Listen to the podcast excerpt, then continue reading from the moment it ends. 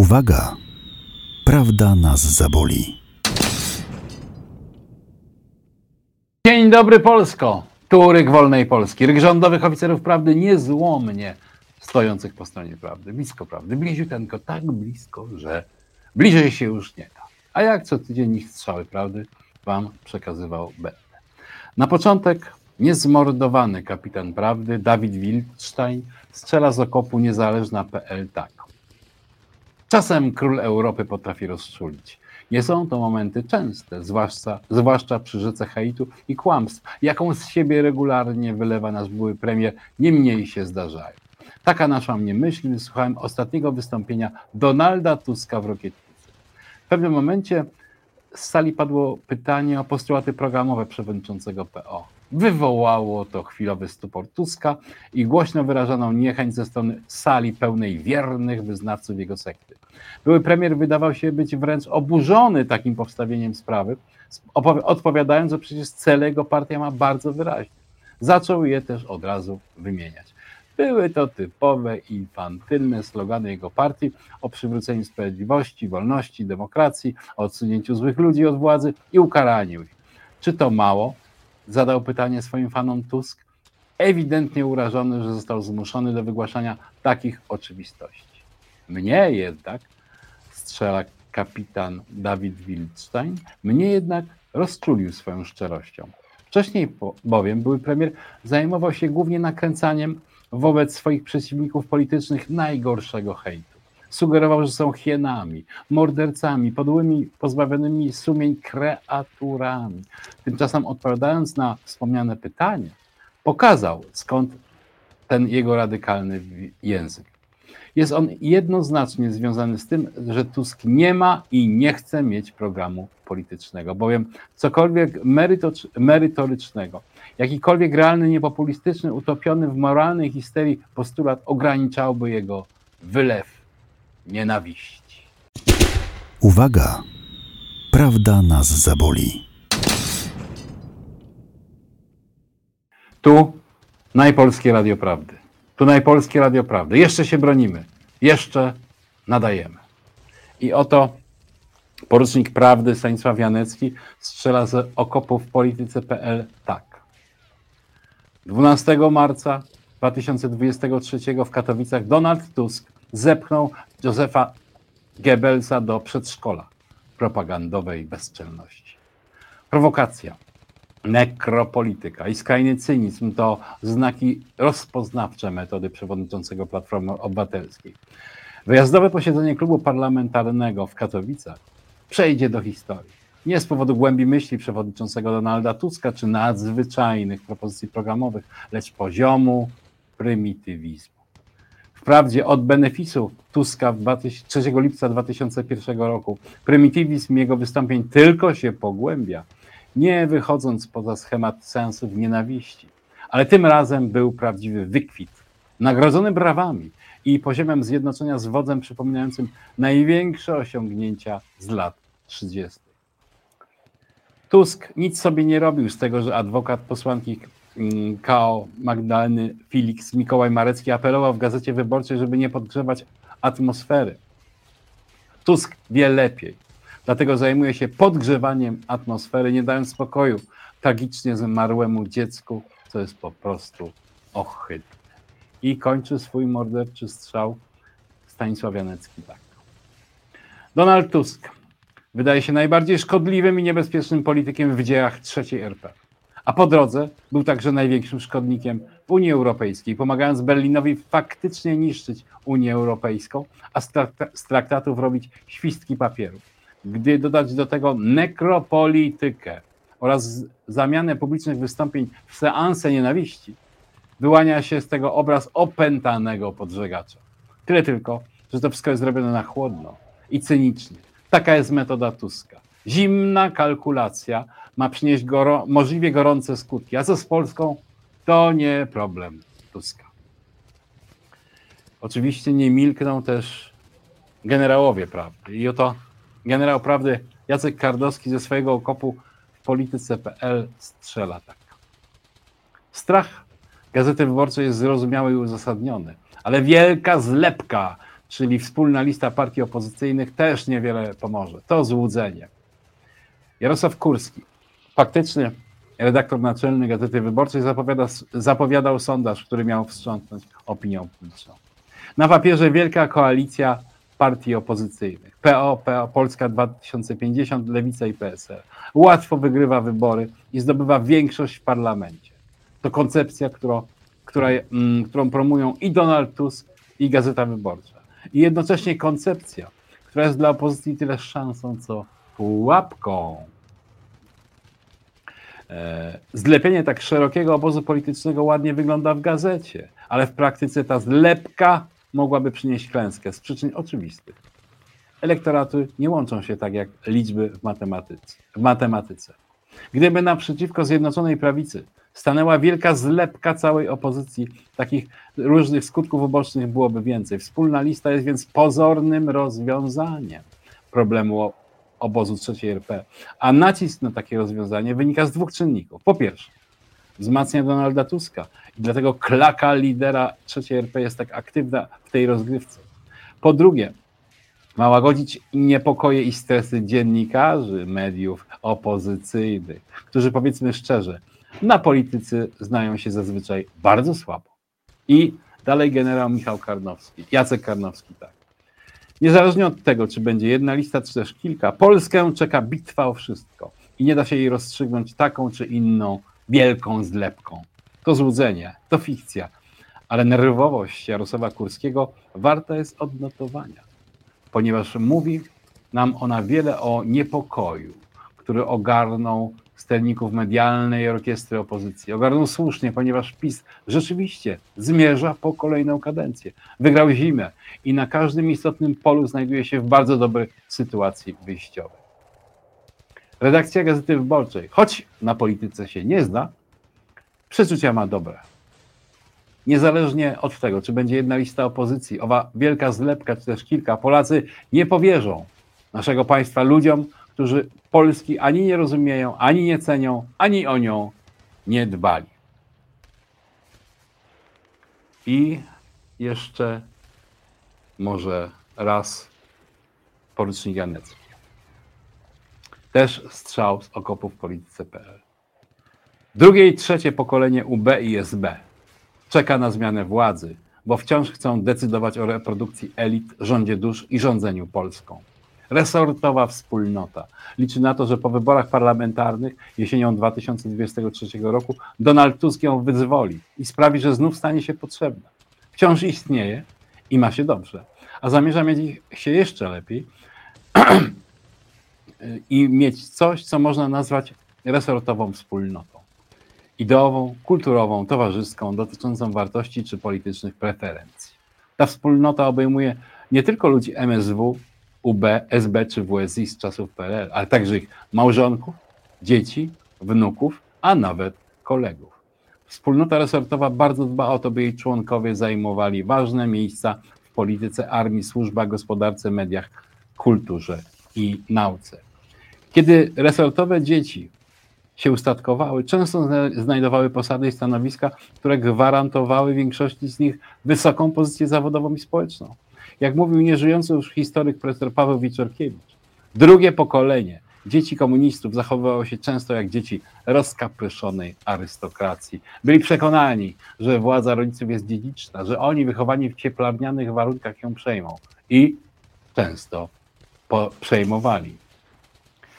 I kończy swój morderczy strzał Stanisław Janecki tak. A wiosną 2023 liczą na to, że po jesiennych wyborach parlamentarnych Donald Tusk ich wyzwoli i sprawi, że znów staną się potrzebni. Przecież tyle jest do zrobienia, żeby się zemścić na rządzącej Zjednoczonej Prawicy, a także na tych wszystkich, którzy choćby pozytywnie o niej pomyśleli. Tyle na dziś strzałów prawdy. Wszystkie wydrukowane czarno na białe. Uwaga! Prawda nas zaboli. Niestety nie odwiedziła nas dzisiaj biała koszula wraz z Tomaszem Piątek, ale piątkiem, ale sam Tomasz Piątek wybrał wiersze, więc prawiersz, czyli prawdziwie prawicowy prawie wiersz będzie. Wraz z komentarzami Tomasza Piątka. Dzisiejszy prawierz otwiera nasza ulubiona fraszkopisarka Anna Wojdecka, która w kilku wersach celnie uderza w ideologię LGBT, uderza z byka. Wiersz pod tytułem A chciałam być nowoczesna. Kiedy byk mój chciał pobzykać, zagoniłam go do byka. Lecz niestety, zamiast seksu wyszła straszna bijatyka. Kilka zdań i wszystko jasne. Jedną wadą tej fraszki stanowi brak nazwisk, ale lukę tę wypełnia debiutant o pięknym pseudonimie Sarmateusz, który zwalcza imiennie podstępną popleczniczkę genderu. Kimże ty jesteś, śmigły wróbelku, Joanka Scheuring, zwana też Wielgus. Co ty nam robisz, wróblu Wielgusku? Sprowadzam do nas zgniłych nagusków. Niech paraduje rozpustna tłuszcza, mająca jądra w srebrnych łańcuszkach. Piękny wiersz. Ale Sarmateuszowi wtóruje poeta podpisujący się PPEU, który wytacza przeciw LGBT potężne armaty, a nawet kolubryny. My jesteśmy jacy tacy, jacy tacy postępacy, szkopą dają nas na tacy, kłamcy, zdrajcy i zaprzańcy.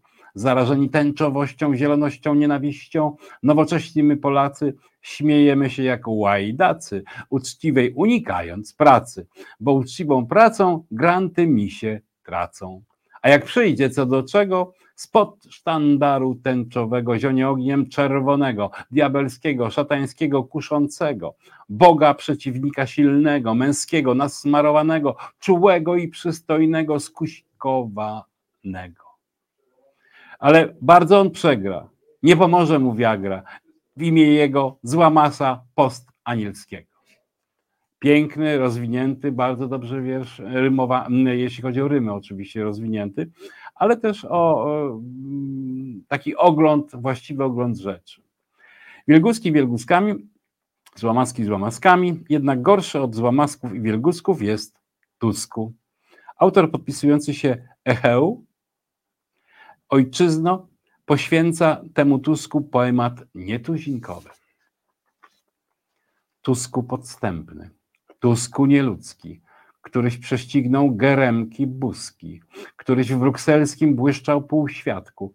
Jeszcze ci to mało czarnego spadku? Tęcze rysujesz i gwiazd dwanaście, biblijne znaki niecnie przywłaszczył. Wespół z Szoroszem i europejskie feniki karmią groźne perwersje. Nad Wisłą, którą jeden Trzaskowski na żarty złością przemienił w nocnik, nad Odrą, której z polskich pieniędzy nie dadzą ruszyć wyrodni Niemcy. Polskojęzyczne i wrogie szczujnie, cieku głównego zatrute studnie, plują i jedność kąsają jadem, kurwią w tym, o, kurwią w tym mając główną zasadę, zasiać wątpliwości w umysły polskie, antywartości chwalić najgłośniej, dzieciom odebrać prawo do życia. Poprzewracało się wam już w życiach, Pluć znowu najwięcej na Jana Pawła. Stare potwarze to dla was petarda. Polaku, weź, że przejrzyj na oczy. Ojczyznę Pan Bóg przed nami roztoczył. Nie dajmy zdrajcom wrócić do władzy, bo nie zmyjemy szatańskiej sacy. Piękny, bogaty w, w jakby to powiedzieć nawet, no w metafory choć proste, ale uderzające. Na szczęście jest ktoś, kto powstrzyma Tuska i inne gendery. A nawet kasty, a nawet bizantyjskie salwy. Temu komuś serdeczny hołd składa kolejny debiutant, witamy, Paweł Piotrowski. Jarosław Kaczyński Polskę obroni, choć zewsząd słychać złowrogi i kwęk. To wódz na miarę okrutnych czasów. Rozsądek siła, uśmiech i wdzięk. Jarosław Kaczyński Polskę nam zbawi od bizantyńskich złowrogich salw, które już słychać po zmierzchu stronie ze zdrajców klaki zmieszaną barw. Jarosław Kaczyński Polskę wyzwoli. ze szponu łże mediów i nierządnych kast. Wzejdzie nam złota jutrznia swobody, blaskiem roz, rozświetli trud wsi i miast. Minister Ziobro w tym mu pomoże, by zgoda była, to nam daj, Boże. Piękny debiut, piękny od razu w takich wysokich tonach, tonach wróżę wielką karierę debiutantowi Pawłowi Piotrowskiemu. I z Pawłem Piotrowskim zgadza się znany nam autor o pseudonimie Grzegorz 67. Nie oddamy naszych wsi miast klakierom zdrady. Nie oddamy naszej bezcennej ziemi nasyconej historią. Naszej ziemi, która wojnami spalona, bombami zryta, rodzi i płacze, bo łzami nasiąkła czy deszczem podlana, Boga ma smaczek. Krwią waszą, strugami patriotów spływała, spleciona sercem, zabrała ich mężczyzn w niebycie uśpieni. Czym się odwdzięczę? Ona, ziemia polska jest nas, nasza. Bierz łapy. Chcieliby inni, odżyli frustracji, pokrzykują wszędzie, nigdy nie zamilkli. Hula konsekwentny drenaż umysłowy. Precz pogrobowcy. Nie oddamy swego, chyba że przez wojnę. Pierwszy był chrobry. No, Grzegorz 67 zamiary ma dobre, natomiast z gramatyką jest y, trochę na bakier. Ja bym jednak polecał Grzegorzowi 67 y, bardziej gramatycznie, bo język polski piękny jest, gdy jest gra, gramatyczny. Czy jednak Bolesław Chrobry, bo tym się kończył poprzedni wiersz, to bohater na miarę naszych czasów? Chrobry nie był jak Kaczyński. Chrobry o zgrozo kłaniał się niemieckiemu cesarzowi. Przeciągał Polskę ku zachodowi, który przecież odwiecznie jest zgniły i podstępny, gdyż wciąga nas w rozgrywki, które uwłaczają naszej niezbywalnej słowiańskości. Te ważkie wątpliwości geopolityczne, nieustająco aktualne w sześciu wersach, podsumowuje znany nam poeta Grzesior Dzisiaj mnie próbują skłócić z moim bratem Rosjaninem, a do domu mi podrzucić prawie całą Ukrainę. Dziel i rządź, za mordę trzymaj, jakże stara to Maksyma. Pięknie, Grzesior, pięknie. Ale co na to wszystko nasz ulubiony poeta doradca zarządu TVP Marcin Wolski. On znowu wraca do tematu Tuska.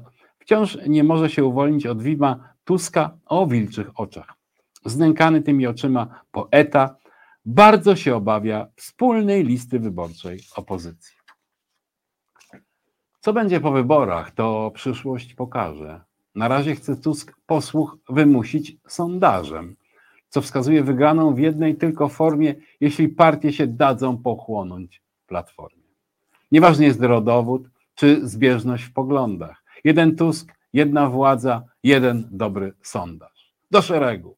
Choć troska w wielu głowach igra, stracimy swoje partie, a PiS i tak wygra. No, jak zwykle poeta doradca zarządu TVP Marcin Wolski nie ma kłopotów e, z gramatyką i jak zwykle trafnie i celnie podsumowuje walkę o władzę Tuska. Wolski pisze ze swadą i szlachetną prostotą, której nawet instrukcja obsługi pralki mogłaby mu pozazdrościć. Tymczasem nasz ulubiony prawieszcz Marek Gajowniczek dał nura w głębiny poezji hermetycznej.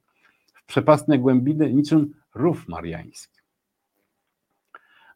Wykorzystano nagrań archiwa i wszyscy wiemy, kto naród kiwał. Jaka jest prawda czasu, ekranu, Plan propagandy ma wielu fanów.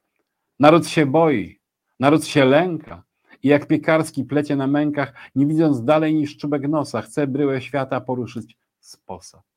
Lecz w głębi duszy nic się nie ruszy. Tylko wołaniem bywa na głuszy, by na zniszczenia nie patrzeć skośnie, myśląc o jutrze, Chinach i wiośnie. Rzeczywiście głębiny poezji hermetycznej, ale jak sądzę, lubią Państwo e, e, te znaczenia odkrywać e, samodzielnie. Skoro mowa o Gajowniczku, to zajrzyjmy też do jego wielkiego rywala Lwowa, Lwowa 47. W tym tygodniu poeta klęsk i zniszczeń spłodził utwór meteorologiczno-teologiczny pod tytułem Kiedy Boże gromem zagrzmisz nad Warszawą. Tak jak i Ciebie, Panie, chcą nas ukrzyżować. Za to, żeśmy otworzyli gościnne ramiona. Dawna zmowa morderców wciąż obowiązuje i grzechu kłamstwa ciężka, dusząca zasłona. Mimo hańby Wołynia, groźby Oświęcimia, grozy ludobójstwa na naszym narodzie wciąż nas włóczą przed sądy nowego Piłata. Plują na nasze groby bezwstydnie i co dzień, tak jak i Ciebie, Panie, chcą nas ukrzyżować. Świat woli ciągle łotra, depcząc Twoje prawo. Czekamy, Boże. I kiedy roz, rozetniesz ciemności i wielkim głosem gromu zagrzmisz nad Warszawą. No, w cotygodniowym e, konkursie między e, Markiem Gajewniczkiem a Lwów, Lwowem 47 chyba jednak prostota i jasność e, wiersza Kiedy Boże gromem zagrzmisz, zagrzmisz nad Warszawą, Lwowa 47 wygrywa. Polska to Chrystus ukrzyżowany przez Ukraińców i Niemców, mówi Lwów 47. Inną wizję, choć nie mniej uduchowioną, prezentuje poetka Mariola Malinowska. Polska to Bogu Rodzica, przez rycerzy śpiewana, ich mogiły w pradawnych kurhanach to odwaga, przez Boga nam dana. Zadumaj się i skłoń głowę człowieku. Tu znajdziesz swych snów schronienie. Bądź dumny, że jesteś Polaku, Polakiem. Podążaj za marzeniem. By Polska potęgą była, by swą królewską podnosiła głowę, by nigdy przed nikim nie padła na kolanach, dumna i wolna, na zawsze nam dana. To chyba debiut poetki Marioli Malinowskiej i muszę powiedzieć, udany debiut.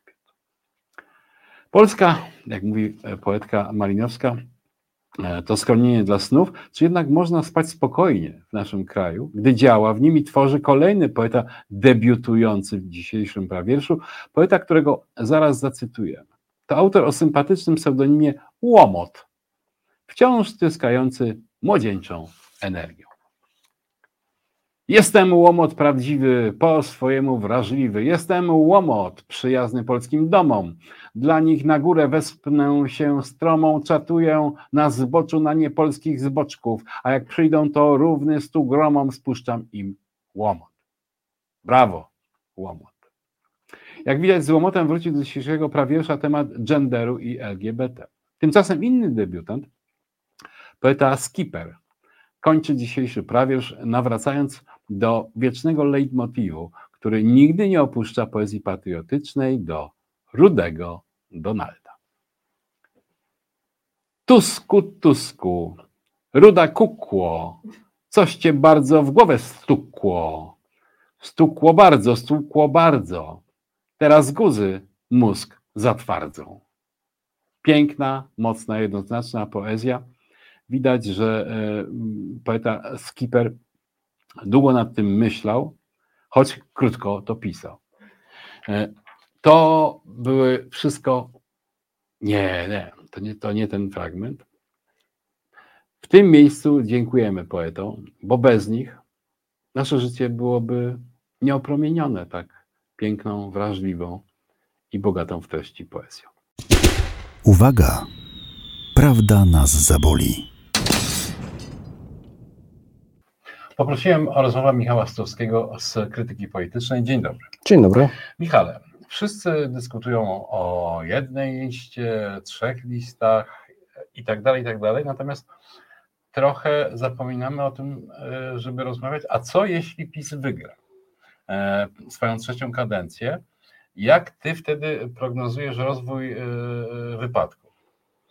No to może zacznę tak trochę złośliwie. Oczywiście no, chyba dla wszystkich y, słuchaczy i widzów jest jasne, że no, gdzieś tam sympatyzujemy z opozycją mhm. bardziej niż y, z obozem władzy. No niemniej zacznę od złośliwości wobec opozycji. Mam wrażenie, że y, jeśli w takiej czy innej konfiguracji Prawo i Sprawiedliwość utrzyma utrzyma władzę, znaczy w takiej czy innej, w sensie, że to może być oczywiście z koalicjantem, to, to też robiłoby pewną różnicę, ale to o tym za chwilę to nie będzie nawet trzeba opozycji ani jej popleczników, nie wiem, zamykać do więzienia, represjonować w żaden sposób, dlatego że pierwszy, obstawiam, rok, półtora, opozycja i jej zaplecze intelektualne spędzi na wzajemnym zagryzaniu się pod hasłem czyja to wina, kto jest za to odpowiedzialny i kto miał rację i czyje, a nie mówiłem, y, będzie prawomocne i zalegitymizowane. Jest to zrozumiałe y, psychologicznie, natomiast obawiam się, że to będzie, to będzie pierwsze jakby zjawisko polityczne, jakie, jakie, jakie istotne zaobserwujemy. Ale bardziej chodzi o istotę rządu. Mhm. Y, czy na przykład spodziewasz się, że te sprawy, które trochę zawisły, jak dokończenie reformy sprawiedliwości, tak zwanej reformy, bo ona nie jest oczywiście reformą, będzie miało miejsce, czy spodziewasz się, że e, e, ryzyko utraty e, nie tylko środków z KPO, ale z, tych, z funduszy strukturalnych, tak. strukturalnych tak. funduszy powstrzyma ich? Czy pójdą tam?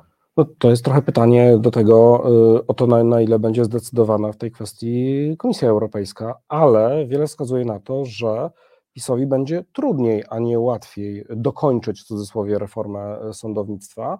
No, dokończyć mówię w cudzysłowie, dlatego że ona w dużej mierze polegała na zmianach personalnych i zmniejszeniu, znaczy czy zwiększeniu zakresu kontroli e, nad konkretnymi sędziami, tak? tak poprzez przede wszystkim poprzez przenoszenie do innej parafii, e, tylko e, to znaczy po prostu przesuwanie na inne, mniej korzystne placówki sędziów niepokornych względnie ściganie ich dyscyplinarne. A dlaczego będzie trudniej? Dlatego, że wszystko wskazuje na to, że po pierwsze, Prawo i Sprawiedliwość, czy jakikolwiek rząd będzie bardziej, a nie mniej potrzebował pieniędzy i z KPO, i z funduszy strukturalnych, ze względu choćby na to, że czasy taniego kapitału na rynkach finansowych prawdopodobnie się skończyły. W tym sensie relatywna wartość dla gospodarki e, pieniędzy z Unii, czy środków przede wszystkim w obcej walucie, no ma, y, będzie miała rosnące, a nie malejące znaczenie. To znaczy, im gorsza, im trudniejsza będzie sytuacja na rynkach finansowych, jeśli chodzi o dostęp do kapitału, im większe będą wyzwania dla gospodarki, a ani demografia, ani inne trendy nam raczej nie pomagają, tylko raczej przeszkadzają. Wreszcie będą rosły rozmaite wydatki typu zbrojeniowe, no to siłą rzeczy te pieniądze będą jeszcze więcej warte, to znaczy dźwignia unijna będzie jeszcze silniejsza. To jest jeden element, dla którego będzie trudno. Jest jeszcze drugi. Mhm. Drugi jest taki, że wiele wskazuje na, znaczy inaczej, nie wiem jaki będzie wynik wyborów, ale wiemy, że bardzo mało prawdopodobne jest, żeby Prawo i Sprawiedliwość miało samodzielną większość, to znaczy będzie potrzebowało koalicjanta. Y, z wielu względów y, rząd z udziałem Konfederacji jest gorszy z punktu widzenia wiem, demokracji liberalnej y, w Polsce, czy też przetrwania cywilizacji w Polsce, ale pod pewnymi jest lepszy. To znaczy pod pewnymi jest lepszy w tym sensie, że rząd koalicyjny, który ma nieco inną wizję sądownictwa, a już na pewno nie ma wizji takiej samej jak Zbigniew Ziobro. Przede wszystkim dlatego, że wizja Zbigniewa Ziobry to jest wizja obsadzenia jak największej części wymiaru sprawiedliwości ludźmi Zbigniewa Ziobry, że to po prostu będzie utrudniało. Znaczy, dlaczego trzeba po prostu mieć większość w parlamencie, żeby pewne rzeczy prze, prze, przeforsować. No i wydaje mi się, że tutaj y, ewentualny koalicjant będzie po prostu przeszkodą, tak? Ze względu pierwszym już teraz, już teraz Ziobrze nie idzie, prawda? On teraz nie jest w stanie przeforsować wszystkiego, co by chciał, w większości tego, co chciał, nie był w stanie przeforsować, prawda? Um, Ale kiedy ty mówiłeś o tej dźwigni finansowej, że ona będzie potrzebna, no ona będzie potrzebna, o ile Prawo i Sprawiedliwość nie uzna, że to jest ten moment, kiedy zaczynamy wychodzić z Unii. I niezależnie od tego, jakie są potrzeby pożyczkowe Polski, czy potrzeby finansowe Polski, dla nich to będzie ważniejsze, żeby odsuwać się coraz bardziej od Unii. I y, być może dlatego nie będą walczyli o te pieniądze. Znaczy, y, to, że oni mhm. umieją postępować nieracjonalnie, żeby nie powiedzieć głupio, wszyscy już wiemy, więc w tej sprawie też się mogą tak zachować.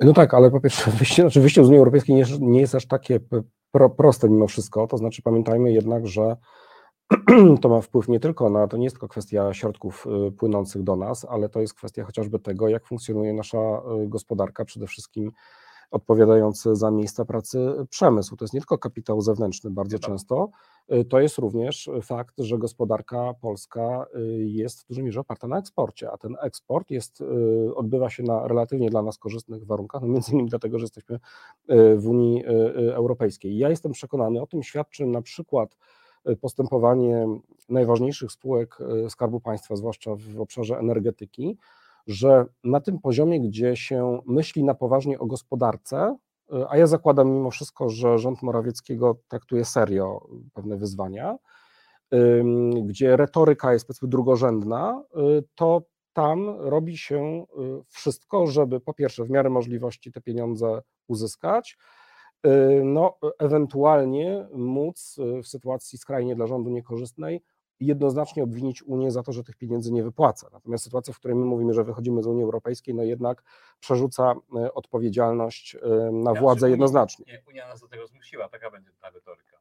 No tak, tylko y, pamiętajmy, że jest bardzo dużo interesów lokalnych, y, samorządowych, Ale y, nie oni biznesowych. lokalnie będą decydować. To się, od, y, Mhm. jeżeli zapadnie taka decyzja, to ona zapadnie na Nowogrodzkiej, nie w y, lokalnych społecznościach. Tylko trudno mi prawdę mówiąc sobie wyobrazić y, bardzo poważne, znaczy i- istnieją pewne grupy interesów, które, chodzi mi o to, że tego typu decyzje, tak strategiczne decyzje, one wymagają dużego zaplecza także gospodarczego, znaczy muszą być bardzo potężne, wpływowe grupy interesów, które byłyby w stanie to poprzeć, znaczy krótko mówiąc, że byłoby to dla nich y, opłacalne. No i gdyby Ale się zastanawiać, kto by to miał być, W quasi autorytarnym państwie, jeżeli a takim się staniemy po kolejnym y, zwycięstwie, po kolejnym zwycięstwie PiSu, to te gry interesów, te gry wpływów już nie mają znaczenia. Im się po prostu mówi, jak będzie albo jak jest. No tak, ale y, całe polskie rolnictwo jest zbudowane obecnie, skonstruowane w taki sposób, że y, jest uzależnione od dotacji, znaczy w, ogóle od funkcjonowania w ramach wspólnej Słuchaj, polityki rolnej. Nie, chodzi mi o bardzo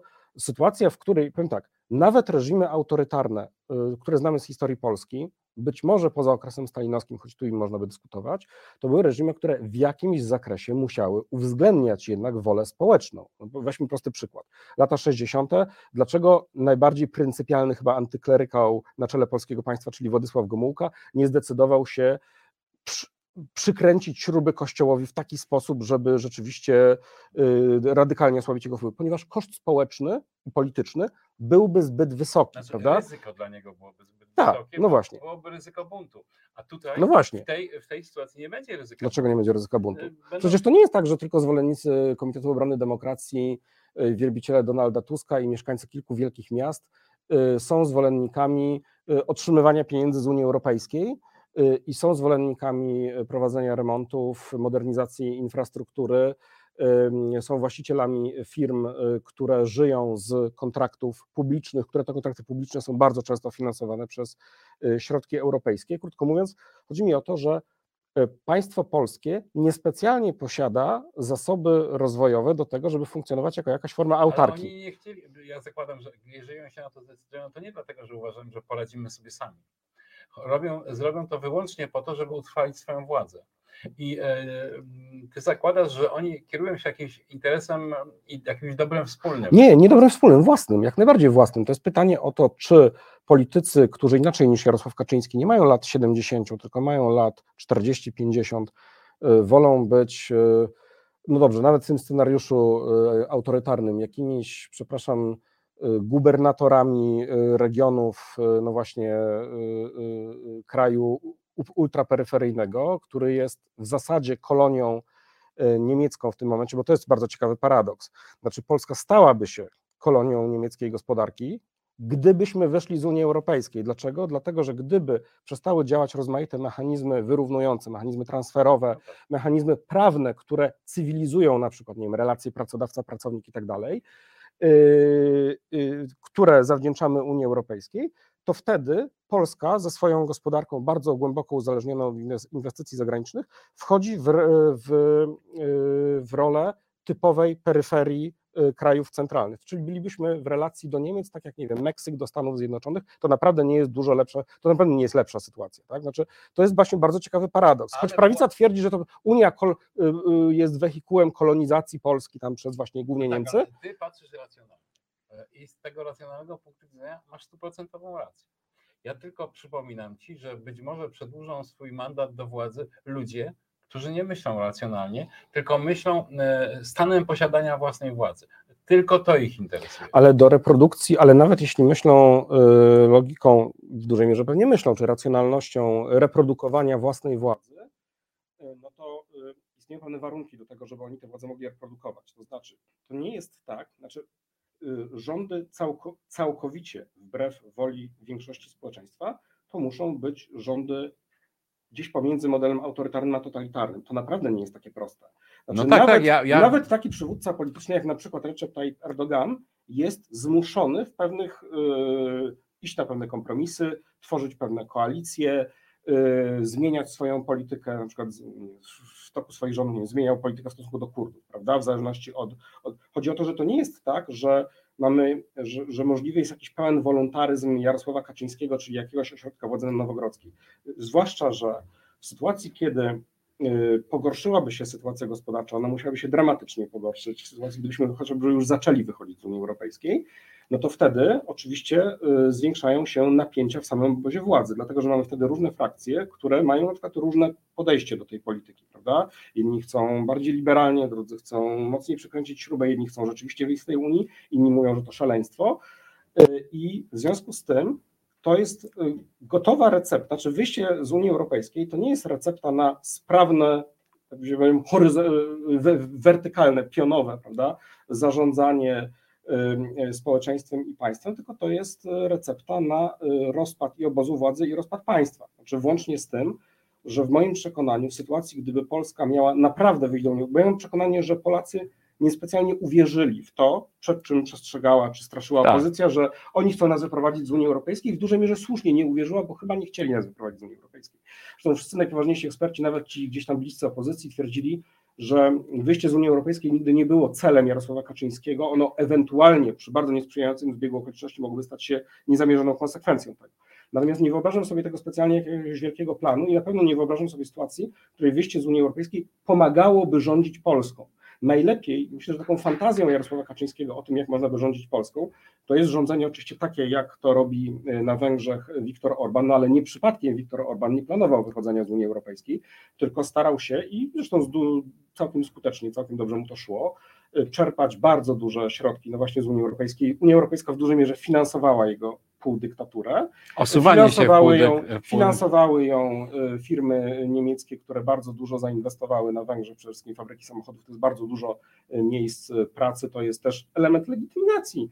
Element, czy, czy jedno ze źródeł legitymacji rządów Orbana, to znaczy, że wcale nie następuje jakaś katastrofa gospodarcza, oczywiście teraz to się zmienia, prawda? ale przez wiele lat ym, dawało się powiązać rządy właśnie autorytaryzujące się z względnie y, znośną dla większości, przynajmniej tej kluczowej wyborczo, większości społecznej, sytuacją gospodarczą. I dlatego nie przypadkiem Orban nie wychodzi z, Euro, z Unii Europejskiej, prawda? dużo bardziej autorytarny niż jednak Jarosław Kaczyński. Czy ze względu na wolę, yy, czy ze względu na możliwości, to jest inna kwestia. Natomiast niewątpliwie Węgry są dużo bardziej autorytarny, autorytarnym krajem, czy dużo bliższym modelu autorytarnego niż Polska, a jednocześnie nie wychodzą z Unii Europejskiej, nie są z niej wyrzucane i robią wszystko, żeby w niej pozostać. Dobrze, to y, kończymy temat potencjalne wyjście z Unii Europejskiej, ale wra- wracamy do y, tematu y, PiS rządzi dalej. E, Ja, z mojej strony to wygląda mniej więcej tak, że e, wydaje mi się, że główny atak pójdzie na samorządność. E, Będą chcieli scentralizować Polskę. A ty jaką masz intuicję w tej sprawie? No to jest y, prawdopodobny kierunek, tylko znowu, tu jest, pojawia się pytanie o to, w jaki sposób będą zorganizowane y, transfery funduszy europejskich.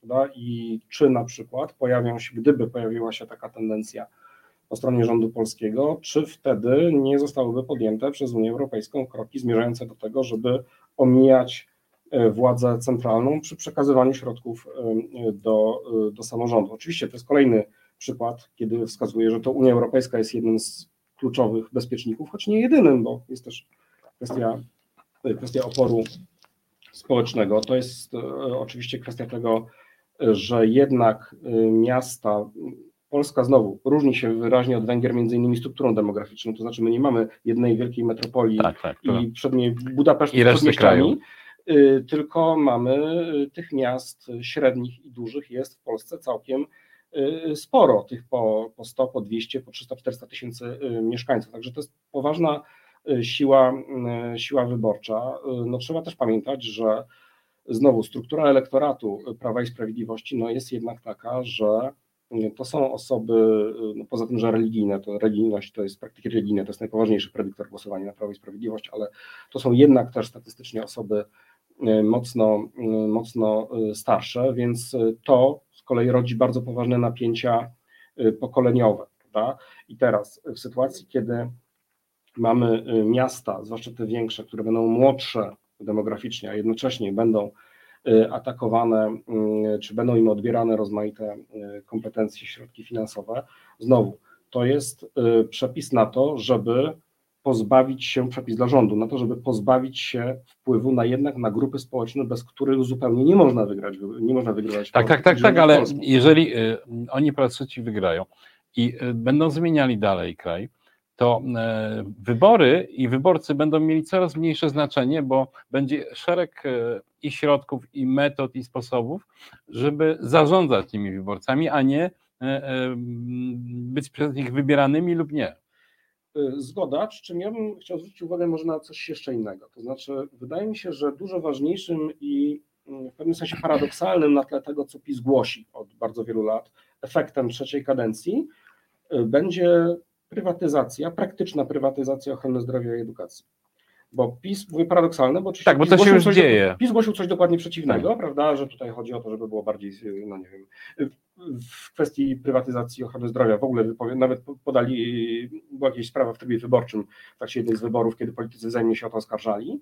I tutaj PiS był w awangardzie tych oskarżeń, prawda, a drugiej strony, że chce prywatyzować czy komercjalizować y, y, ochronę zdrowia, no tymczasem to są procesy, które będą postępować właśnie i w oświacie i, i w ochronie zdrowia. No ale to nie, nie, nie, nie postępuje, ta prywatyzacja nie polega na tym, że oto przejmują e, mm, publiczne szpitale, czy publiczne przychodnie, czy publiczne szkoły, e, fundusze, ludzie prywatni, tylko powstaje sieć. Drugi obiekt. Drugi obiekt omijająca ten. Tak, to jest drugi obiekt rządowy. To jest drugi obiekt prywatny, który jest oczywiście dostępny dla pewnej, pewnego segmentu społeczeństwa, pewnie szacuje, można oszacować na górne, górne w sensie dochodowym kilkanaście procent. To jest oczywiście kluczowe kilkanaście procent, bo to jest e, klasa średnia, to są bardzo często na przykład w szkołach ci rodzice, którzy są najbardziej świadomi, mają najwyższy kapitał kulturowy, ale też rozmaitą sieć znajomości, prawda? To są ci, którzy teoretycznie mogliby e, wywierać najpoważniejszy nacisk na to, żeby szkoła publiczna była lepsza, no w sytuacji, kiedy wyprowadzają swoje dzieci do sektora prywatnego, bo nie będą kopać się z koniem, tak, tak, to jest taka logika, no to wtedy siłą rzeczy to powoduje degradację i stworzenie takiego dwu dwusektorowego systemu edukacji, prawda? Czyli ten degradujący się coraz bardziej, coraz bardziej zideologizowany, bo to prawdopodobnie będzie, od, znaczy odwrotnie proporcjonalnie do jakości y, zatrudnienia i, i w ogóle świadczenia usług, czy w ogóle prowadzenia po prostu edukacji w tych szkołach, będzie rosła indoktrynacja czy ideologizacja tej hmm. szkoły, no i z drugiej strony będziemy mieli jakieś wycinki mm, sektor prywatny, nie tylko zresztą jakiś lewicowo-liberalny, prawda, to będą też na przykład szkoły konserwatywne, bo część zwolenników Prawa i Sprawiedliwości oglądając... Takie próby już są czynione, tak, powstają takie. To, się, to, się już, to się już oczywiście dzieje y, i coś podobnego będzie się działo w ochronie zdrowia. Przy czym ja bym chciał zaznaczyć, to jest jeszcze jedno, y, kolejne zastrzeżenie. Otóż to nie jest do końca tak, że Prawo i Sprawiedliwość, czy obóz władzy, Y, pozostawi gdzieś tam tą sferę, zupełnie tą sferę prywatną, niech tam sobie ta klasa średnia z dużych miast wysyła dzieci i ci zamożniejsi niech się tam leczą, y, dlatego, że i to widać z kolei w ochronie zdrowia bardziej może nawet niż przy szkolnictwie, y, jest też takie myślenie, w, zwłaszcza wśród tych bardziej, tych bardziej takich zorientowanych merytokratycznie elit, bardziej urzędniczych, biurokratycznych tego obozu władzy, że jeśli komercjalizujemy w coraz większym stopniu ochronę zdrowia, to może jest tak, że państwo powinno wejść jako jeden z aktorów na ten kapitalistyczny rynek. To znaczy, że mamy coraz więcej usług komercyjnych i na przykład możemy mieć spółki Skarbu Państwa, one przecież mają bardzo wysoki, mają bardzo duży kapitał zakumulowany, prawda? To jest mhm. świetny, to jest świetna, e, świetny rynek i świetna okazja do tego, skoro ma się dużo zasobów. Ale jak to mogłoby wyglądać? No na przykład, że jest e, mamy prywatne, mamy komercyjny rynek ubezpieczeń zdrowotnych, tylko jednym z, albo niekoniecznie jeden, może być ich więcej, na przykład spółki Skarbu Państwa czy spółki ubezpieczeniowe, PZU na przykład, wchodzą na ten rynek jako aktorzy kontrolowani przez państwo, Y, i będące również źródłem zasobów dla państwa. Oferują ubezpieczenie zdrowotne. Po tak? prostu na rynku komercyjnym, czyli mamy ten taki kapitalistyczny tort mhm. w ochronie zdrowia, no prostu oni się, można powiedzieć, że narodowi kapitaliści tym się różnią od takich neoliberalnych, globalistycznych kapitalistów, że oni uważają, że państwo tutaj też powinno mieć jakiś udział w tym swoim torcie, no tylko, że nie, niekoniecznie zwracają uwagę na to, nie wiem, na ile te usługi będą dostępne, no nie wiem, dla obywatela poniżej średniej zarobku w Polsce, prawda? Krótko mówiąc, PiS wbrew bardzo wielu deklaracjom i wbrew takiej swojej narracji, na której mam wrażenie po części wygrał wybory w 2015 roku. Tak, zwłaszcza, wtedy na pewno, tak.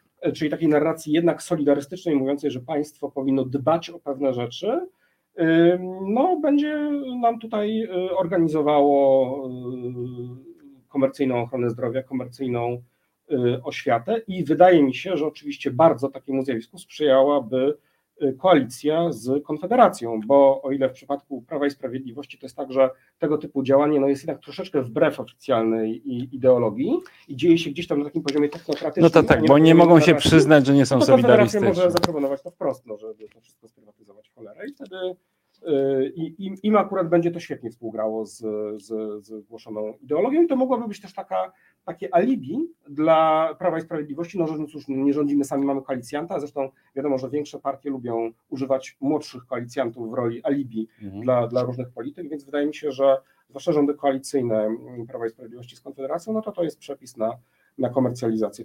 A wracając do samorządów, mm, czy myślisz, że realna jest perspektywa, że oni cofną reformę samorządową? Tak generalnie. Mm. Jedyną zresztą reformę, która się udała dobrze po 90. No przynajmniej częściowo, y, bo powiaty nie do końca chyba się Tak. y, y, udały i pewnie, pewnie tutaj gdzieś, choć jak wiemy, te okoliczności tworzenia, zwłaszcza liczby tych powiatów i mapy tych powiatów, po prostu miały niewiele wspólnego z jakąś taką racjonalną analizą, a więcej z po prostu interesami struktur partyjnych, tak? Akurat No dobra, ale czy obok. uważasz, że możliwe jest cofnięcie? Mm.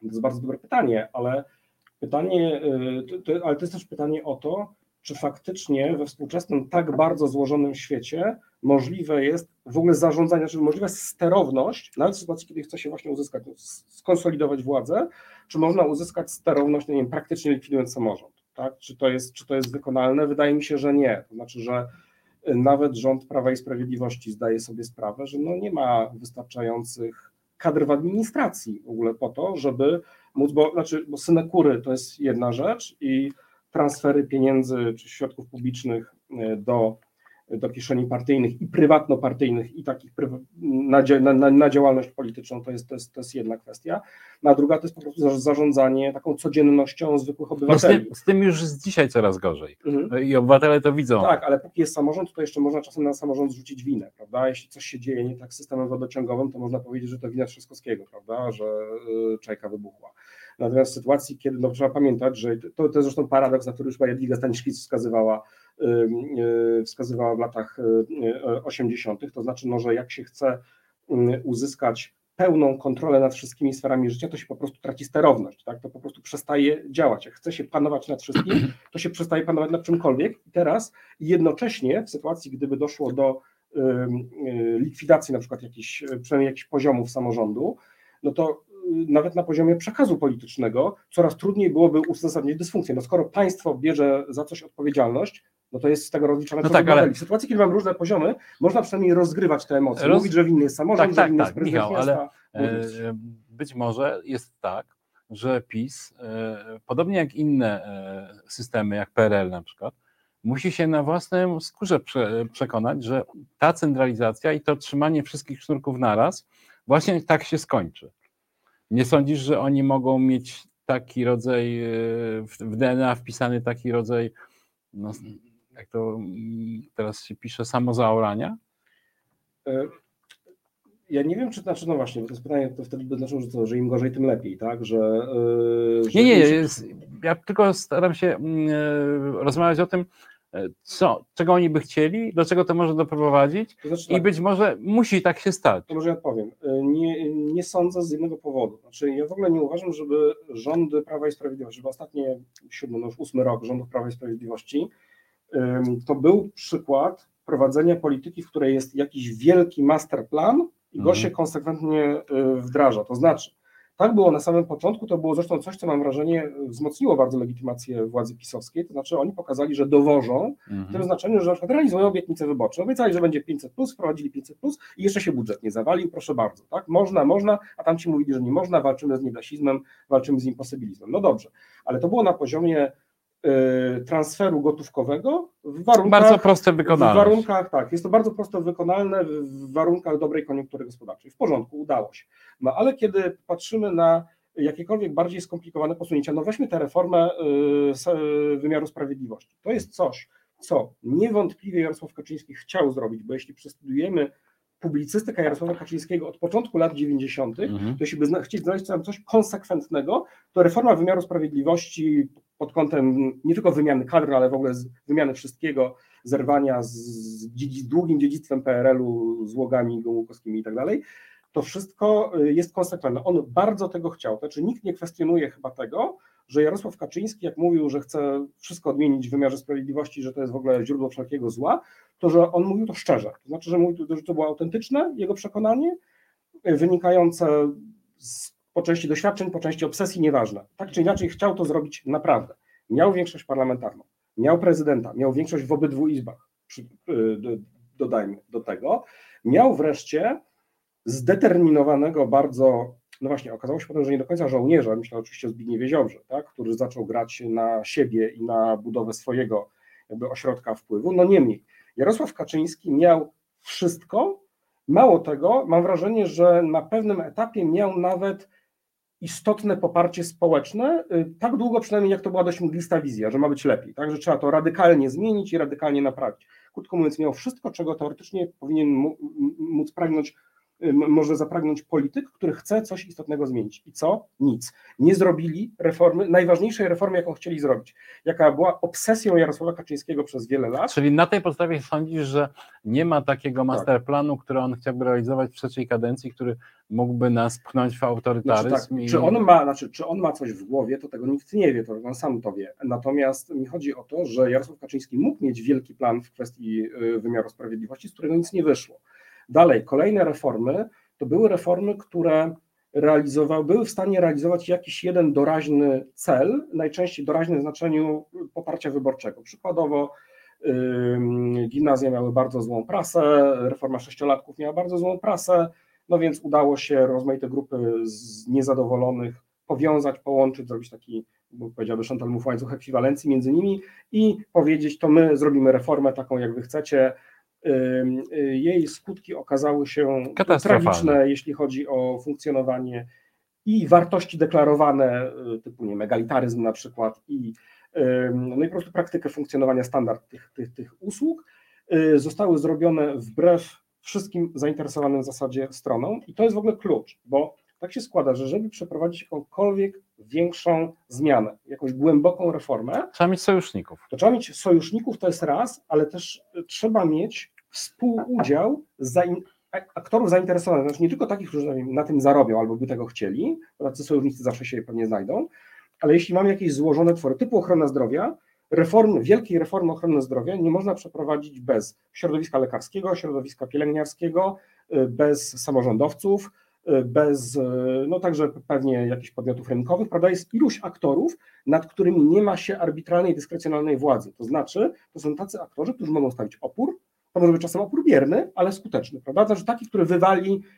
y, działanie rządu. Czyli no, z tego punktu widzenia. Nie ma takiej możliwości, nie, nie potrafi tego robić. Nie toleruje przede wszystkim takich grup. Nie ma tego w swoim DNA, to znaczy oni nawet gdyby chcieli, to nie potrafią. Y, To samo z rynkiem pracy, prawda? To znaczy, żeby zmienić cokolwiek, trzeba by się dogadać ze związkami zawodowymi i z, pracod- z pracodawcami, prawda? Y, Oni są w stanie współpracować tylko z Solidarnością, która jest przybudówką. Y, Choć, dobra, w pewnych pojedynczych sytuacjach, typu nie wiem, zakaz handlu w niedzielę potrafi coś wylobbywać, bo to rzeczywiście był lobbying związków zawodowych, natomiast to są sytuacje raczej wyjątkowe. Regułą jest raczej to, że to władza traktuje instrumentalnie te podmioty, na przykład Mhm. podmiot podmiot y, y, Solidarność. Krótko mówiąc, oni nie są w stanie, oni są w stanie doprowadzić do chaosu, oni są w stanie doprowadzić do katastrofy usług publicznych i to moim zdaniem to są, dlatego ja mówiłem o tej ochronie zdrowia i mówiłem o, y, o, o że to będzie pełzająca komercjalizacja, która oczywiście doprowadzi do zapaści, no bo bardzo wielu y, ludzi po prostu nie będzie stać na korzystanie z usług, a klasy średniej płatnych prywatnie, a klasy średniej też w coraz mniejszym stopniu będzie stać. Y, No, to zresztą Czyli- już, już dzisiaj widać po tym, jak klasa średnia próbuje korzystać z abonamentów y, w ochronie zdrowia i okazuje się, że w tych abonament, y, w służbie zdrowia, y, w ochronie zdrowia na abonamenty czas oczekiwania y, na lekarza, na wizytę u specjalisty jest często zbliżony do tego na NFZ, prawda? Więc Czyli po, w trzeciej kadencji Prawa i Sprawiedliwości, potencjalnej, choć niechcianej, e, e, to wieszczy też upadek e, usług publicznych typu edukacja i zdrowie. Tak, no to jest coś, co już się dzieje. Tak, to nie jest tak, że to jest wszystko wina Prawa i Sprawiedliwości, bo zaniedbania mają dużo więcej lat niż te 8 lat rządów PiS. Co nie zmienia faktu, że Prawo i Sprawiedliwość tutaj do, znaczy wzmocniło pewne trendy. Bardzo dobrze to opisał Łukasz Pawłowski w książce bodaj druga fala prywatyzacji, ona się nazywała, tam jest taka teza, że jak dzieją się dwie rzeczy naraz, to znaczy mamy transfery gotówkowe, które zwiększają poziom dochodu rozporządzalnego istotnej hmm. liczby gospodarstw domowych z jednej strony, z drugiej strony mamy niedofinansowane publiczne y, usługi, y, na przykład poprzez nie wiem, stagnację płac w tych usługach, więc mamy odpływ kadry i odpływ również części klientów, tak, czy, czy, czy, czy no, obywateli korzystających Y, z tych y, usług, czy to do szkolnictwa prywatnego, czy to do, y, do ochrony zdrowia prywatnej, w takim zakresie, w jakim to jest możliwe, no to te dwa trendy się wzmacniają, tak? Znaczy, bo nagle mamy sytuację. Znaczy, im bardziej, ludzi, tym bardziej. Powiem. Tak, więcej ludzi stać, trochę więcej ludzi stać na to, żeby korzystać na przykład raz na jakiś czas z prywatnego specjalisty.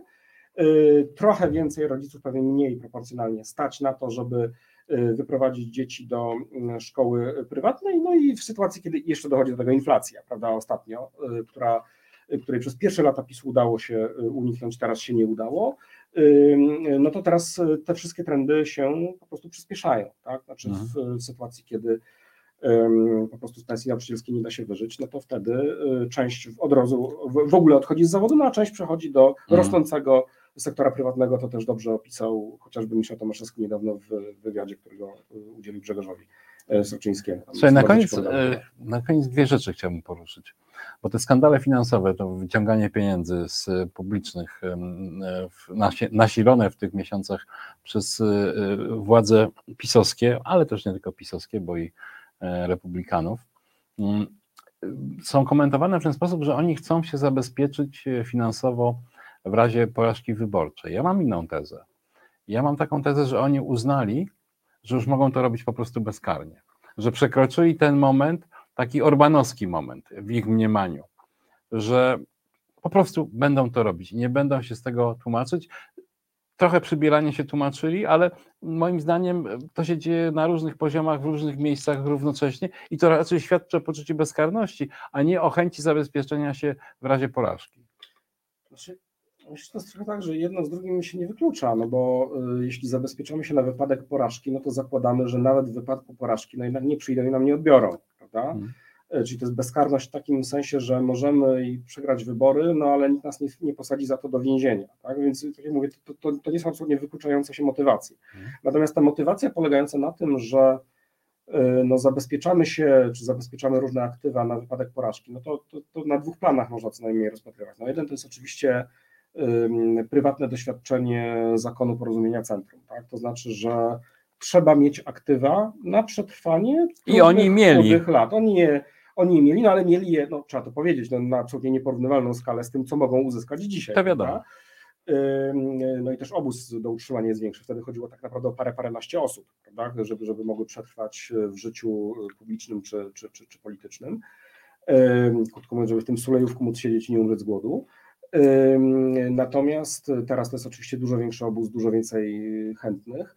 Ale mm, druga rzecz no to jest oczywiście budowanie tego zaplecza y, w otoczeniu takim bezpośrednim y, polityki partyjnej. Znaczy to są Villa Plus, to nie jest kwestia jakiegoś takiego złodziejstwa pod tytułem, że ktoś tam bierze pieniądze do kieszeni, czy to przy okazji pewnie też, ale to są w mniejszym stopniu majątki, tu, tu mniej chodzi o majątki prywatne, tu bardziej chodzi o jednak zabezpieczenie rozmaitych fundacji, stowarzyszeń. Wili plus tak, ale już w NCBR-ze już o to nie chodziło raczej. E, zgoda, no bo też pamiętajmy, że jeśli mamy tak duży i szeroki obóz, to on jest znowu, to, tu zresztą widać kwestię sterowności. E, sterowność nie dotyczy, nie polega przecież na tym, e, sterowność nie sięga, to tak jak się kiedyś mówiło o niektórych reżimach, na przykład o prezydencie Karzaju w Afganistanie, że jego władza sięga mniej więcej do rogatek Kabulu, prawda? No jeśli chodzi o wszystkie y, instytucje, no to też nie jest tak, że Jarosław Kaczyński przecież ma nad tym wszystkim kontrolę. Mało tego, on nawet już się sam zdążył wyżalić na łamach, jeśli dobrze pamiętam, Gazety Polskiej, wskazując, że oni nawet nie są w stanie prowadzić dokładnie takiej polityki w spółkach Skarbu Państwa, gdzie mianowali przecież tych ludzi na prezesów, a oni robią tutaj jakąś mm, niezależną politykę. No, Czasem robią ją dla, po prostu dlatego, że kodeks spółek handlowych y, ich y, ogranicza. Nie, robią ją dlatego, że on stworzył z nich oligarchów i oni teraz będą prowadzili nie. własną politykę. Ja pamiętam kongres y, PiSu jakieś dwa lata temu albo trzy lata temu i tam w kuluarach e, prezesi spółek Skarbu Państwa lobbowali w swoich sprawach. Nie, Byli prawdziwymi Ale są oligarchami. też sytuacje, w których na przykład, no nie wiem, mowa była o tym, że bank, jeśli dobrze pamiętam, PKO BP, y, będzie y, wyznaczał pewien benchmark, prowizji kredytowej, żeby wymóc na pozostałych bankach Tak. komercyjnych y, obniżenie marży, no po czym się okazało, że no, prezes banku stwierdził, że chyba jednak nie, skoro no, stawki są rynkowe i on tu nie będzie ich zaniżał, bo to jest w ogóle niegospodarność, prawda, i można za to pójść siedzieć w, skrajnie, w skrajnym przypadku. Więc, e, więc okazało się, że nawet na takim elementarnym poziomie Mhm. tej, tej, tej, tej sterowności nie ma. Tej sterowności nie ma, jeśli chodzi o to, do kogo konkretnie idą te pieniądze. No bo znowu, jak mamy taką wielką strukturę, no to jest oczywiste, że się do niej podłączają różni aktorzy, tacy, którzy na przykład niekoniecznie wiążą swoją przyszłość polityczną z prawem i sprawiedliwością, tylko widzą, że jest okazja, udaje im się z jakichś powodów, ze względu na jakieś znajomości, jakieś powiązania, jakieś transakcje, y, na przykład podłączyć pod jakiś strumień dochodów, być może on będzie trwał krótko pół roku, rok, no to trzeba wykorzystać te pół roku, rok, prawda? Czyli uważasz generalnie, że to jednak e, moja teza, że oni po prostu poczuli się bezkarnie, a nie, że za, tylko zabezpieczają swoją przyszłość, nie jest prawdziwa. Ona jest prawdziwa o tyle tylko, że tak jak powiedziałem, żeby się przygotowywać w taki sposób, jak się przygotowują na trudne czasy, to trzeba zakładać, że w tych trudnych czasach, jak już zmieni się władza i opozycja dojdzie do władzy, to nie będzie jakiegoś radykalnego, jakiejś radykalnej nowej miotu w prokuraturze, która przyjdzie i zrobi jakąś akcję czyste ręce, żeby im wszystkim y, te wille z powrotem pozabierać i jeszcze nie daj Bóg ich powsadzać do więzienia, prawda? Czyli w tym sensie mają pewne poczucie bezkarności, że zakładają, że jednak to jest tak zorganizowane, że są trudni do ruszenia, albo że ruszenie ich będzie z jakichś powodów kosztowne politycznie, no krótko mówiąc, zakładają, że są bezkarni w tym sensie, że oni mogą przegrać wybory, ale że ta, że ta przegrana w wyborach y, nie pociągnie y, za sobą no, utraty tych majątków, no bo wtedy ta operacja ma sens, prawda? Mhm. Jeśli ją traktujemy właśnie nie jako operację przelania jakichś środków na prywatne konta gdzieś tam daleko w Szwajcarii, Liechtensteinie czy na Kajmanach, tylko jako jednak budowanie zaplecza finansowego, finansowego, instytucjonalnego, budowanie takich funduszy żelaznych y, dla rozmaitych instytucji z otoczenia y, politycznego. Zresztą ja zwrócił uwagę na jeszcze jedno, bo powiedzieliśmy o doświadczeniu spółki srebrnej i tego przetrwania ludzi, ludzi porozumienia centrum w polityce dzięki tym aktywom.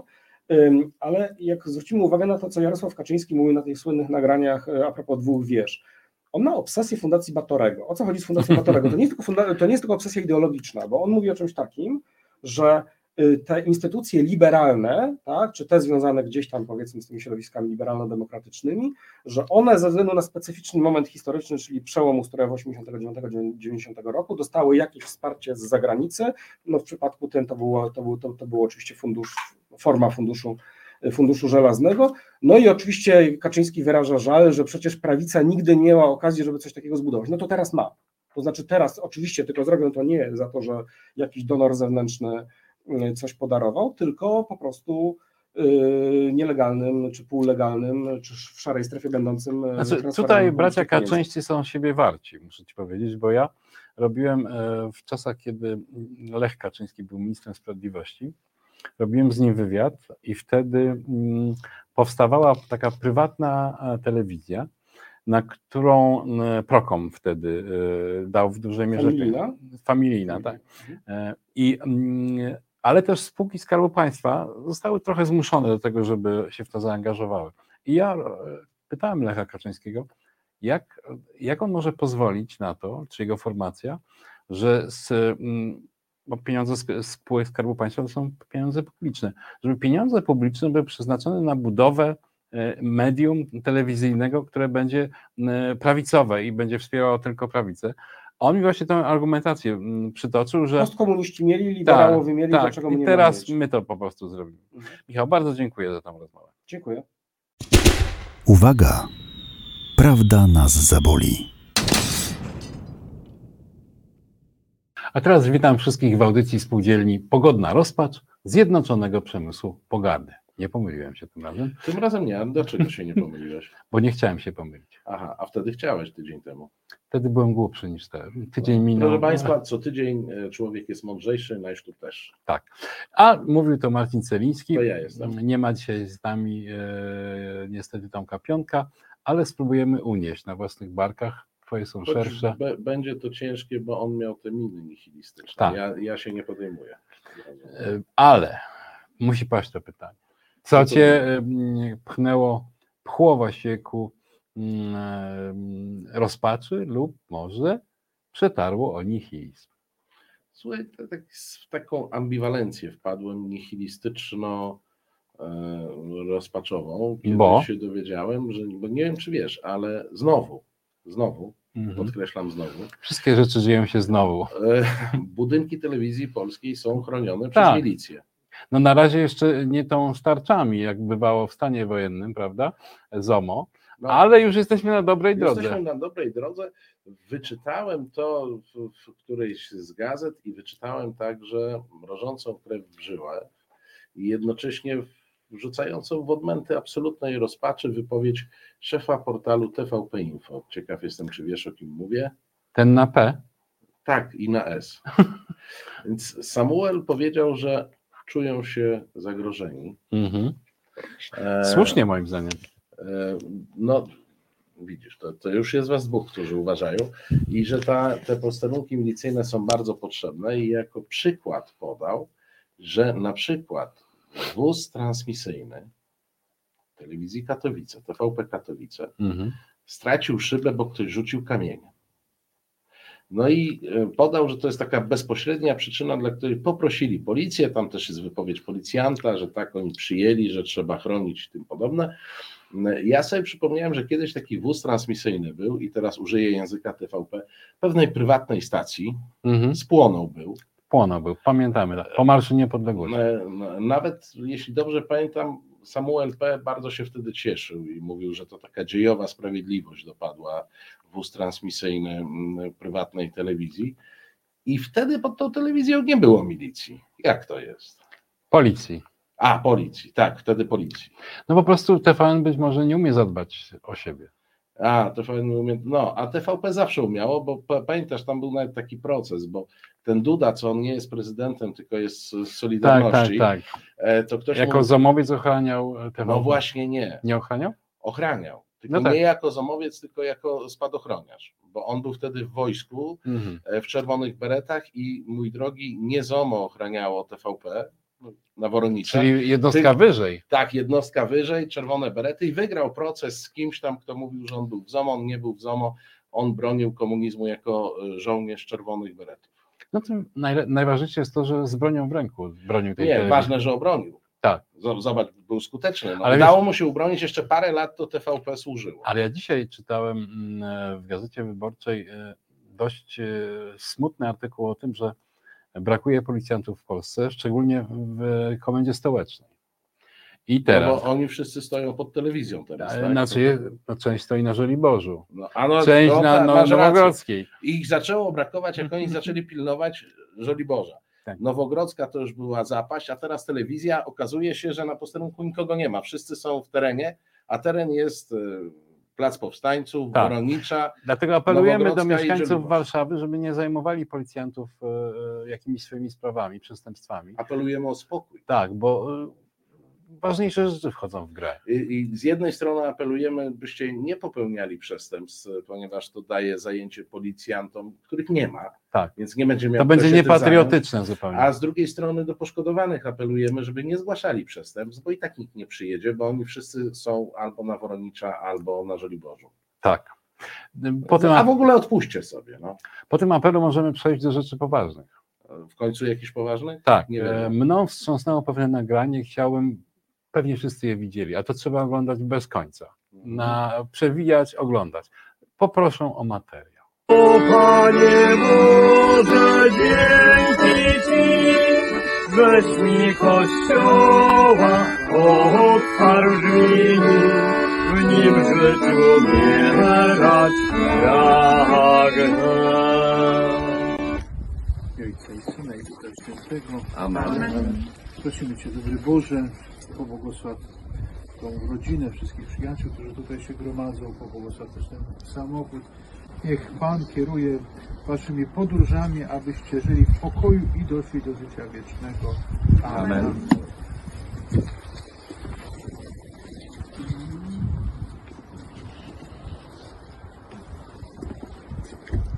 Pomódlmy się za rodzinę państwa.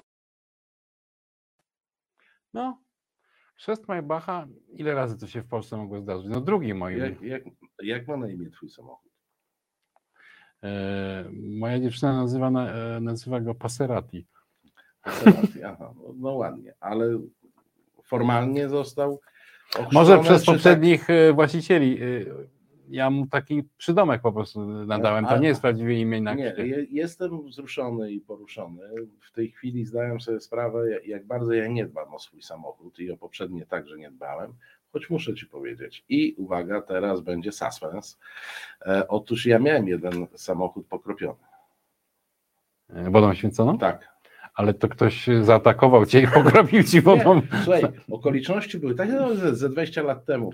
E, aura wakacyjna, jest jakiś niedzielny wieczór, pe- wracam do domu, jakaś mała miejscowość. E, taki już no, okolice zachodu słońca już gdzieś tam. I raptem w tej małej miejscowości zrobił się korek, Mhm. którego się zupełnie nie spodziewałem, bo przeważnie się leci. E, no ale nie bardzo miałem pomysł, czy tu się da jakoś ominąć i tym podobne, więc podjeżdżam tak w tempie bardzo ślimaczym i raptem się okazało, że to był, jak później doczytałem nawet ogłoszenia, Dzień Święcenia Samochodu. Posterunek świę, e, świętniczy. I ja trafiłem w Dzień Święcenia Samochodu e, i do, na wysokości kościoła zostałem pokropiony.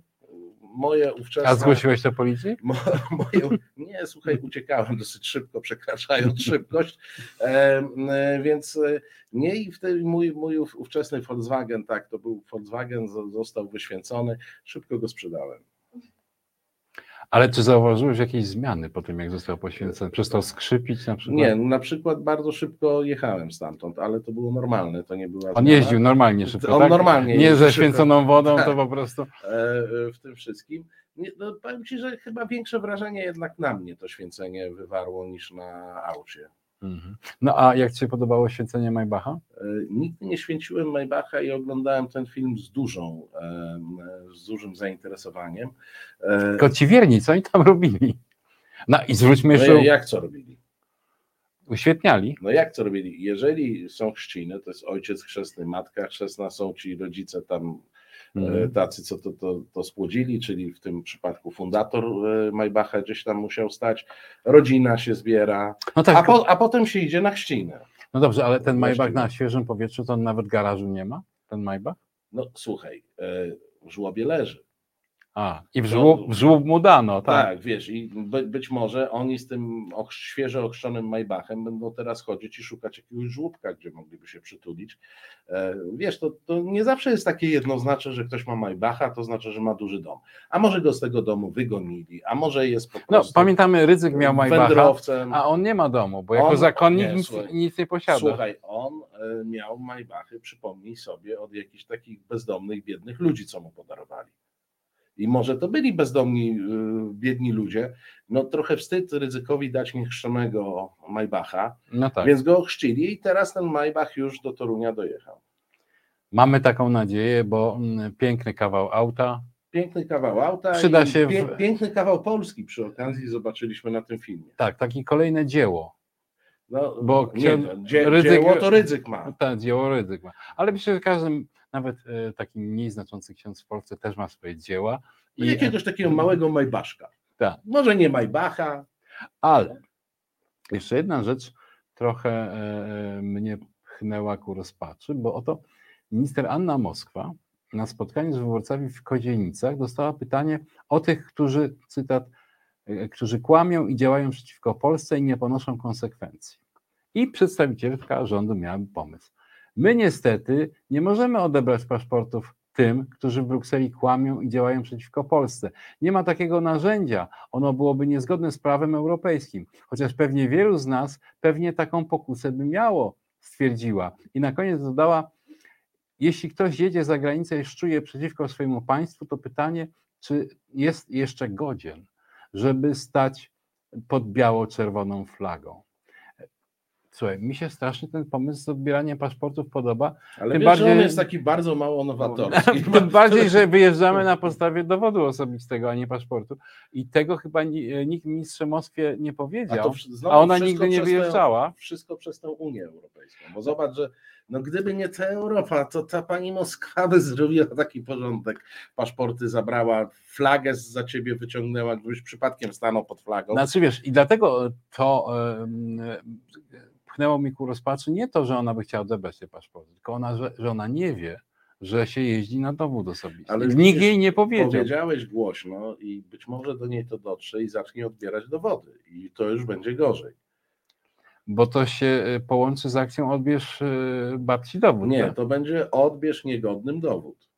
Taka akcja będzie. Jak już paszportu nie można. Zresztą ty nie, nie poczułeś takiej empatii, bo ja widziałem tę wypowiedź i powiem ci tak sobie pomyślałem, rany, jak, jak, jak ja ci współczuję, że ty Bidulo nie możesz tych paszportów odbierać. Przecież to było widać, że ją to boli. Nie, nie, nie masz takich ludzkich odruchów? E, z tym. Natomiast e, jest to taka, jest coś takiego, e, co, co się m, czasami potocznie nazywa słuchem językowym, czasami się mówi o słuchu historycznym. I ja je, jestem w nieustającym podziwie e, dla słuchu historycznego genera, e, generalnie, żeby tak rzucić sobie, a paszporty e, zabierzemy, no przecież ich bezpośredni poprzednicy ideowi robili to w 68 i jakoś im to nie brzęczy, ale do tego słuchu historycznego dorzucę Ci jeszcze jedno. Pan prezydent Duda, taki. On był- nadal jest prezydentem? e, Tak, on świętuje czasami. 19 marca świętował kolejną rocznicę, 85. bodaj, e, nawiązania stosunków z Litwą dyplomatycznych. Mm, Wyświetlił tam coś na pałacu namiestnikowskim, jak to zwykle. Mnie to strasznie bawi, bo. Ale na ten obrazek e, Jana Pawła II jeszcze naświetlił tamto? Tak, naświetlił jak, jakąś Litwę. Mnie to strasznie bawi, bo ludzie po szkole podstawowej generalnie mają prawo wiedzieć, że te stosunki dyplomatyczne z Litwą nawiązaliśmy w wyniku ultimatum. To wyglądało tak, że poszła nota, że albo nawiązujecie stosunki dyplomatyczne, albo będzie wojna. Taki pajac, co się nazywał Ryd Śmigły, ubrał mundur polowy i jeździł po różnych miastach, a w tych miastach były demonstracje wodzu prowadź na Kowno. No świetna rocznica dla podkreślenia dobrych stosunków polsko-litewskich, tak? Tak. Był taki Muszę moment, kiedy przystawiliśmy im brzytwę do, e, do szyi i nawiązaliśmy stosunki. Ja ciekaw jestem, jak, jak w Wilnie to świętowali, czy równie, e, równie głośno. Mm, I to oczywiście pan prezydent powiedział, że dla podkreślenia dobrych relacji, najlepszych w historii relacji polsko-litewskich, świętujemy sobie moment, kiedy Litwa upokorzona na arenie międzynarodowej nawiązała stosunki dyplomatyczne z Polską. No oni to już wiedzą, co świętować, ale te kolejne wyświetlania na e, fasadzie Pałacu Prezydenckiego powodują, że ja zaczynam o nim myśleć, że ma pseudonim Iluminator. Być może tak, ale powiem ci, Albo że, rzutnik po prostu. w końcu pałac prezydencki p- przy tym prezydencie znalazł swoje zastosowanie. Bo tak nie do końca Jako było ekran. wiadomo po co jest. A teraz wiadomo, to jest taki duży ekran w centrum miasta, w dobrym punkcie, gdzie można wyświetlić różne rzeczy. No czekam na Przerywamy program, aby nadać specjalne wystąpienie mózgu państwa. Polki, Polacy. Osoby tutejsze po operacji korekty płci. Przerażeni i nieludzko spokojni. Brodacy. Nie milkną echa dyskusji o tym, czy opozycja ma iść do wyborów na jednej czy na wielu listach. Moja kancelaria mózgu państwa nie może milczeć w tak fundamentalnej sprawie. Mózg podpowiada, że pewne zwycięstwo przyniosłaby tylko wspólna lista z partią Kaczyńskiego. To pokazuje absurd szukania pewnego zwycięstwa przy użyciu list.